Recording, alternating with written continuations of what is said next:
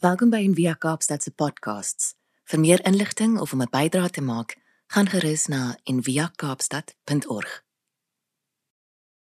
Kom ons luister nou uh, na vandag se skriflesing. Hierna het Jesus by die see van Tiberias weer aan sy disippels verskyn en dit is hoe hy verskyn het. Saam daar bymekaar was Simon Petrus en Thomas wat bekend staan as Didymus, Nathanael van Kana in Galilea, die seuns van Zebedeus en nog twee ander van sy disippels. Simon Petrus sê vir hulle: "Ek gaan visvang." En hulle sê vir hom: "Ons gaan ook saam met jou." Hulle het uitgegaan en in die boot geklim, maar daardie nag het hulle niks gevang nie. Teen dagbreek het Jesus daar op die strand gestaan, maar die disippels het nie geweet dit is Jesus nie. Jesus vra hulle toe: "My kinders, julle het seker niks om te eet nie." Hulle antwoord hom: "Nee."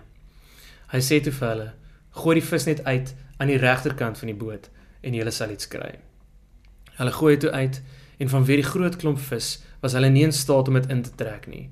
Daarop sê die disipel, die een vir wie Jesus liefgehad het vir Petrus: "Dit is dit is die Here."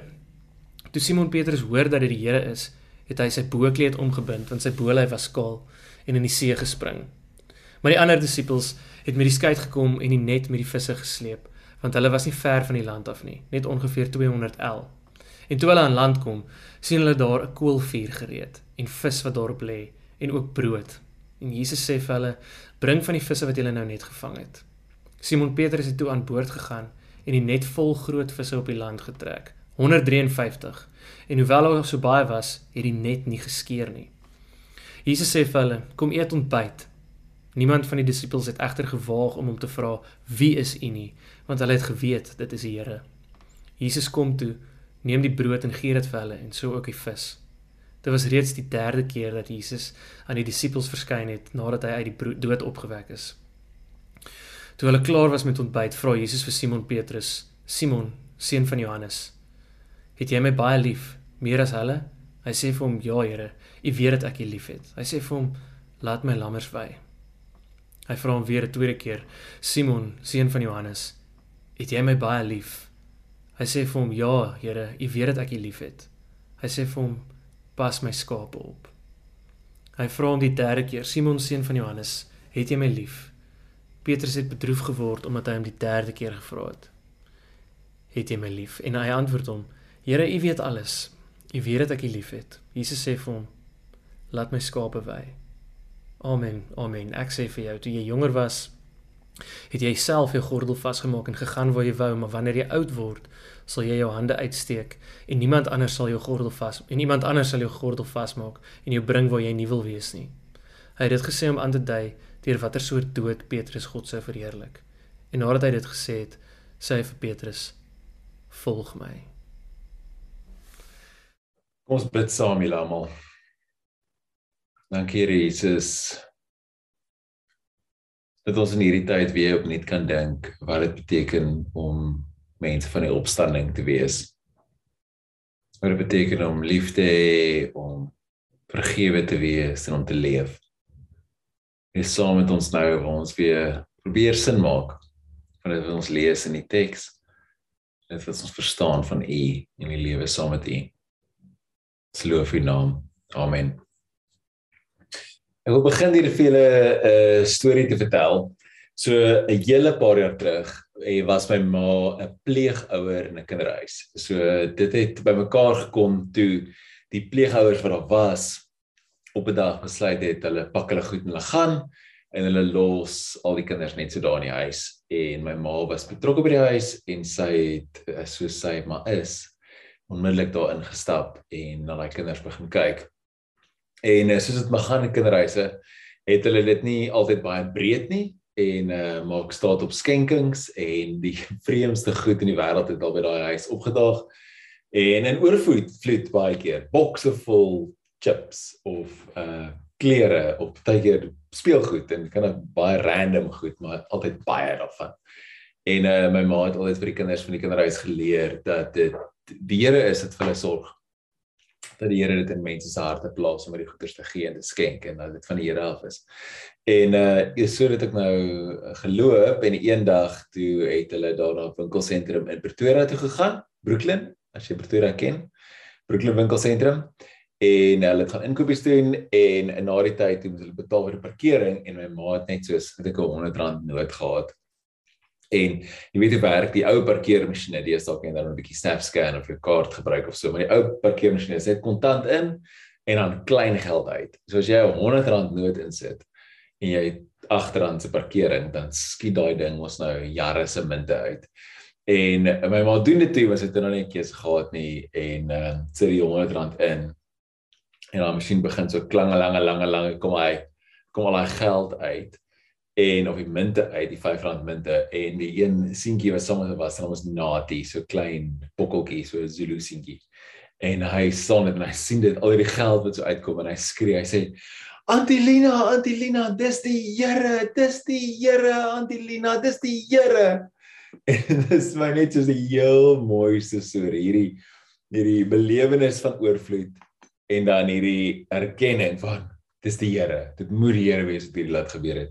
En toe ek in die week nou sit en uh vandag se teks bietjie na kyk, toe slaat daai woorde wat Johannes vir Petrus gesê het, na hulle hierdie groot vis vangs gekry het, uitgetrek het, het sy sê Johannes vir Petrus ook, dis die Here.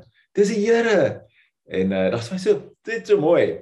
So um vandag se verhaal, ek moes eintlik mooi dink want ek het so 'n paar maande terug in Epifanie gepreek uit Lukas 5 uit wat ook 'n groot vangs is, maar aan die begin van die storie, nê, toe Jesus hulle geroep het en met 'n bietjie ander kleur aan. En toe dink ek nou die week en ek sê, het ek al oor hierdie gepreek hierdie jaar nie? Dalk moet ek net mooi ding voor ek nou per ongeluk twee keer dieselfde teks gebruik. Maar dit is nie, dit is twee verhale. So, ehm um, wat so interessant is van hierdie verhaal is hierdie is die derde keer in Johannes Evangelie dat Jesus verskyn aan sy disippels. So jy sou dink na twee keer, na een keer sou hulle glo en verstaan waar hierdie gaan en hierdie wonderlike ding en ek begin kop maak, ek sin maak van. Maar hulle doen nie. Dit vat hulle dit vat hulle rukkie, wat hulle ten minste 3 keer. So ons vind die disippels in hierdie toneel in Johannes 21 by weer by hulle nette. So hulle het teruggekeer na dit wat hulle ken. Aan die begin van die van die van die skriflesing dan sê dit ook, weet Petrus het vir die res gesê, hoor jy, ek gaan weer visvang. Want hulle weet nie, dis asof hy nie weet wat om te doen nie. So Jesus het net twee keer aan hulle verskyn. Thomas het sy vingers in Jesus se wonde gedruk. Daai hele toneel het afge. Jesus het sy gees oor hulle uitgeblaas en hulle uitgestuur, hè. Daarom is hulle uit die kamer toegesluit is, maar hulle uitgestuur die wêreld in. En wat doen hulle? Gaan terug na hulle nette toe nê. Nee, gaan terug na dit wat hulle geken het. Gaan terug na wie hulle was en wat hulle gedoen het voor hulle Jesus ontmoet het. Selfs al het hy al hierdie is al selfs al is hierdie al die derde keer dat hy aan hulle verskyn. En daar's 'n vraagie vir ons almal. Nê? Hoeveel keer moet Jesus aan my en jou verskyn voor ons luister? Voor ons voor ons antwoord. Ehm uh, voor ons begin leef in daai storie. So daar's drie stories binne in hierdie storie. So vandag se teks is bietjie vreemd. So jy die een van 'n verhaal van die groot vangs en dan het jy die toneel op die strand wat afspeel by die koelvuur en uh, Jesus en Petrus se gesprek en vandag se leesrooster afbakening vat beide daai stories saam. Maar in daai storie is daar eintlik 3 kind of idees wat ek vir jou wil uitpak of net jou wil deel. So eerstens, hierdie is 'n storie van oorvloed. Reg? En hierdie verhaal, val die eerste deel, het iets te doen met die oorvloed wat Jesus bring. Dis die oorvloed vis wat maak dat Johannes Jesus erken, wat maak dat hy sê, dis die Here, dis die Here, net soos uh, natiewe Antilina gesê het. So hierdie oorvloed herinner ook aan die, al die oorvloed wat Jesus in die verlede gebring het. Die oorvloed brood en vis wat hy gemaak het uit 'n laaitiese kosblik uit. Die oorvloed in Lukas 5, die Lukas 5, die ander vis wat hy net amper geskeur het. Die oorvloed wyn in Kana.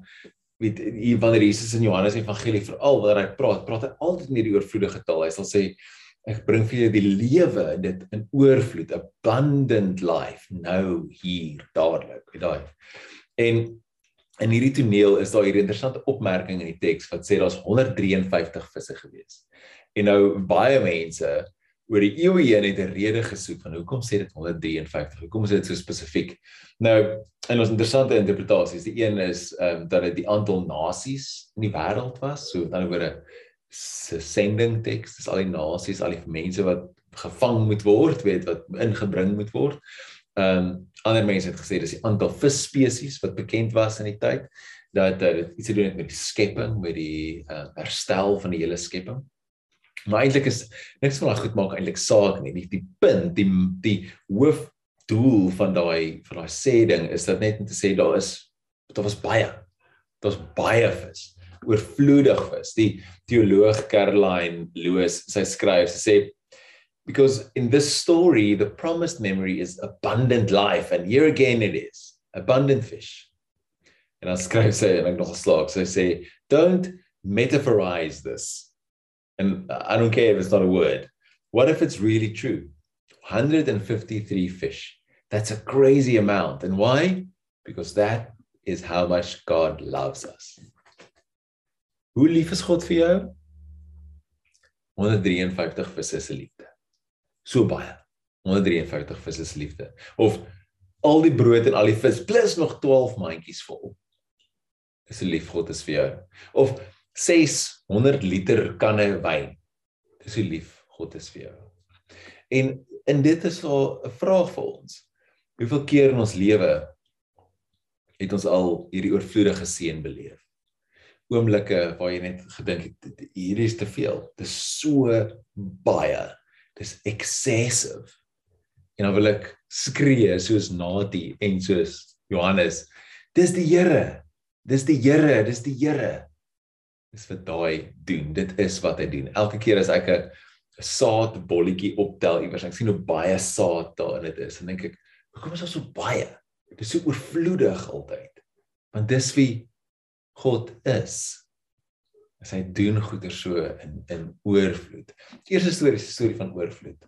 Tweede is 'n redemption storie of 'n verhaal van verlossing of eerder herstel. Die woord redemption is my beter want dit het iets te doen met herstel. Verlossing voel altyd soos daar was 'n staat en dan begin jy nou 'n nuwe staat. Nee, dis soos 'n terugkeer, ietsie terugbring. En die toneel op die strand, die, die groot vangs en dan hierdie toneel op die strand waar die disippels uitkom en hulle sien Jesus daar sit by 'n koolvuur. Die teks sê spesifiek dis 'n koolvuur, so 'n charcoal vuur, hè. En Jesus braai vis en roosterkoek. En ek hou so van daai teks, want dit voel vir my altyd Jesus is Suid-Afrikaans of Kaaps, weet, braai vis, roosterkoek vir sy disippels. En net so bekend net, hierdie is belangrik, is eintlik 'n baie belangrike 'n uh, 'n stukkie bewys want vir die fisiese opstanding want die antieke mense het geglo spooke eet nie ek dink nie ons glo nou spooke eet nie, maar in die ou wêreld hulle geglo spooke eet nie. So dis 'n belangrike bewys vir die skrywer en ek sê dat Jesus fisies teenwoordig was. Dit is nie net 'n disippels het nie verbeel hy staan nie, dit was nie net 'n gees of so net, dit was mens. En hy nooi hulle om te kom eet. En wat so mooi is met die koolvuur, dis daar's net een ander koolvuur in die evangelie van Johannes. En wanneer jy gewoonlik sulke twee beelde sien, dan is dit die skrywer wat verwys na iets anders. Gewoonlik 'n lyn probeer trek tussen die twee goed. En in die Johannes Evangelie sien jy die ander koolvuur wanneer waar Petrus homself saam met die soldate en saam met die diensmeisies warm maak terwyl hulle Jesus verhoor het. So daai toneel waar Petrus 3 keer vir Jesus verraai het. So en hierdie keer maak Jesus die vuur. En hy is die een wat Petrus 3 keer vra, "Het jy my lief?" En hierdie is daai herstel, daai daai omkeer van die vorige verhaal waar Petrus 3 keer gesê het, "Maar ek ken hom nie, ek ken hom nie." En nou 3 keer waar Petrus antwoord, "Maar ek het jou lief." En Jesus hom vra, "Het jy my lief?" En ek ek kan net dink hoe hoe dit moes wees vir Petrus om daai te hoor, om 3 keer dit te hoor en te onthou dat hy 3 keer van tevore Jesus verraai het en is in hierdie toneel waar Jesus die vis en die brood vat en die teks sê hy neem dit en hy gee dit. En daai is nagmaaltaal. Neem en gee. Neem en gee. So alhoewel daar nie 'n offisiële nagmaal toneelinstelling in Johannes Evangelie is nie. Die taal is teenwoordig, hierdie neem en gee, neem en gee die hele tyd. Dit sit so half onder die oppervlak die hele tyd. Ehm um, en ook in die antieke wêreld in die vroeë kerk, vroeë uitbeeldings van die nagmaal was vis en brood. Dit was nie wyn en brood nie. So as jy nou vandag saam met ons by in-persoon diens sou gewees het, dan sou jy gesien het daar is ons maar braai vandag vis en hoor roosterkoek ook. So dan sê nou dit geryk het en saam met ons na die tyd so happy geëet het. So uh kom nog volgende keer saam. Maar so hierdie uitbeeldings van vis en brood as nagmaal dit dit wys op die op die gemeenskaplike aspek daarvan hierdie hierdie saam eet saam wees dit dit onttrek dit so klein bietjie van die die wreedheid van die kruis en gee dit soos nog 'n nog 'n vlak van betekenis die communion aspek die die gemeenskaplikheid daarvan jy weet eet saam wees saam Jesus hy deel die nagmaal die maaltyd saam met die verraaier Petrus en ook Thomas die twyfelaar wat teen teen mekaar was Hy deel dit saam met hulle. En daai is so mooi en so herstellend en en dit maak die storie voltooi die storie so mooi. En die vraag uit hierdie deel van die storie is hoe inklusief is is my en jou tafels? Ons etenstafels bied ons ook verlossing en herstel so aan vir die ander of nie? En dan die laaste deel, die laaste storie is 'n is 'n roeping storie, 'n oproep storie calling. Jesus vra drie keer vir Petrus, "Het jy my lief? Het jy my lief? Het jy my lief?" En Petrus antwoord hom drie keer dat hy hom liefhet. En elke keer nadat hy geantwoord het, dan gee Jesus 'n 'n instruksie of maak 'n uitnodiging of 'n opdrag. Um die Grieks is interessant wanneer hulle praat oor liefde. So Jesus gebruik die woord agape wat beteken so onvoorwaardelike, volkomme groot liefde. En Petrus gebruik die woord phileo wat beteken vriendskapsliefde. Maar ook op die einde van die dag maak daai ook nie regtig saak nie. Wat saak maak is die uitnodigings of die opdragte, die instruksies. Jesus wat elke keer sê nadat Petrus sê ja, ek het jou lief, dan sê hy Jesus laat my lammers wy en dan sê hy weer my Here, ek het jou lief en dan sê Jesus vir hom pas my skape op. En die laaste keer dan wanneer Petrus vir Jesus sê Jesus jy weet alles en dan sê jy weet dat ek jou liefhet en dan sê Jesus vir hom laat my skape wy. Geloof styf vasgebind aan aksie. en by en via praat ons van kontemplasie en aksie. Kontemplasie as gebed om te sit na die Here te kyk en sy teenwoordigheid te wees en aksie. En sonder aksie is daar niks. En die die die punt van hierdie storie is as jy sê jy is lief vir Jesus, as jy lief is vir Jesus, dan doen jy iets daaraan. Die liefde van Jesus is transformerend. Dit verander jou en dit dryf jou om daardie liefde te wys aan ander mense deur soos konkrete aksie. Hierdie liefde moet jou skuif, dit moet jou skuif uit jou ou lewe voor Jesus, pre-Jesus, voor die opstanding. En nie terug na die viswaters asof niks gebeur het nie. Dis veronderstel om jou te verander. Wanneer jy hierdie hierdie oorvloedige oorvloedige seën en genade beleef van God, moet jy verander. Jy kan eintlik nie anders as om te verander nie. Jesus in hierdie toneel het wys so iets van weet as jy praat oor die skape en maar wie se skape is dit? Dis is dis my lammers, my skape. Jesus het sy liefde vir ons bewys deur sy lewe te gee vir sy skape reg? En nou vertrou hy ons met sy skape. Ons word vertrou met Jesus se mees waardevolle besittings. En Jesus in hierdie toneel identifiseer hy as die enigste motivering wat met saak maak vir iemand wat homself Christen noem, met die naam van Christus op hulle neem, wat in diens staan vir die Here. Is jy lief vir my? Het jy my lief? Want as jy my liefhet, dan sal jy kyk na hierdie skape. So ons liefde vir Christus word weer speel in ons liefde vir sy skape. Die vraag is, groot vraag wat hier ons na uittoe, as mense van die opstanding, as mense wat God se onverwaarlike vrygewige groot oorbinde uitbindige oorvloedige liefde en genade beleef het. Is die vraag Wie se herder is jy? Wie pas jy op? Wie laat jy wy? Of is jy glad nie daar nie? Die vraag is, is jy is jy getransformeer deur Christus se liefde? Het jy dit al beleef? Het jy dit al gesien? Het jy dit al gevoel? En indien jy het, is die tweede vraag, hoe het jou lewe verander? Want jy kan nie dieselfde bly nie. As jy net dieselfde is en net weer terug is by die nette, dan het jy nie die opstanding ervaar nie. Kan jy daai Jesus antwoord wanneer hy vir jou sê sorg vir my skape laat my lammers vy en kan jy hom volg. Want as jy sy liefde beleef het is die ironie van daai vraag as jy kan nie anders nie. Want dit is wat dit doen. So ek wil jou nooi om toe te laat dat die Here jou hart verander. Toe te laat dat jy sy liefde ervaar vir jou.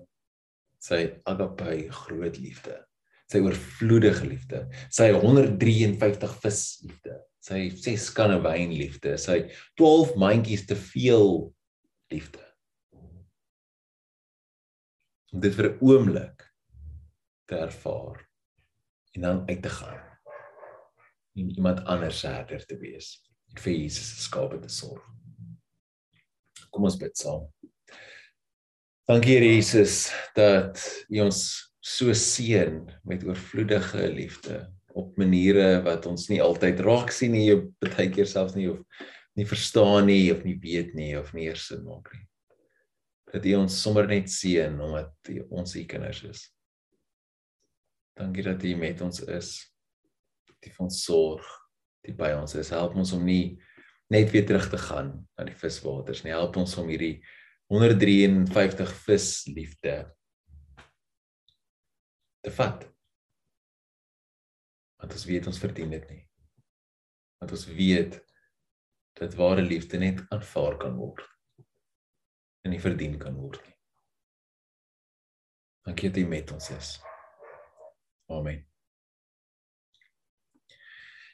Ek kan jou hande so uitsteek en die seën ontvang. Mag jy die 153 visliefde ervaar. Mag jy jou hart oopmaak op voor die 6 kanne wyn liefde, die 12 mandjies vol liefde. 12 mandjies te veel liefde. In die naam van die Vader, die Seun en die Gees. Gaan in vrede. Amen. Dankie dat jy saam geluister het vandag. Besoek gerus en via kaapstad.org vir meer inligting.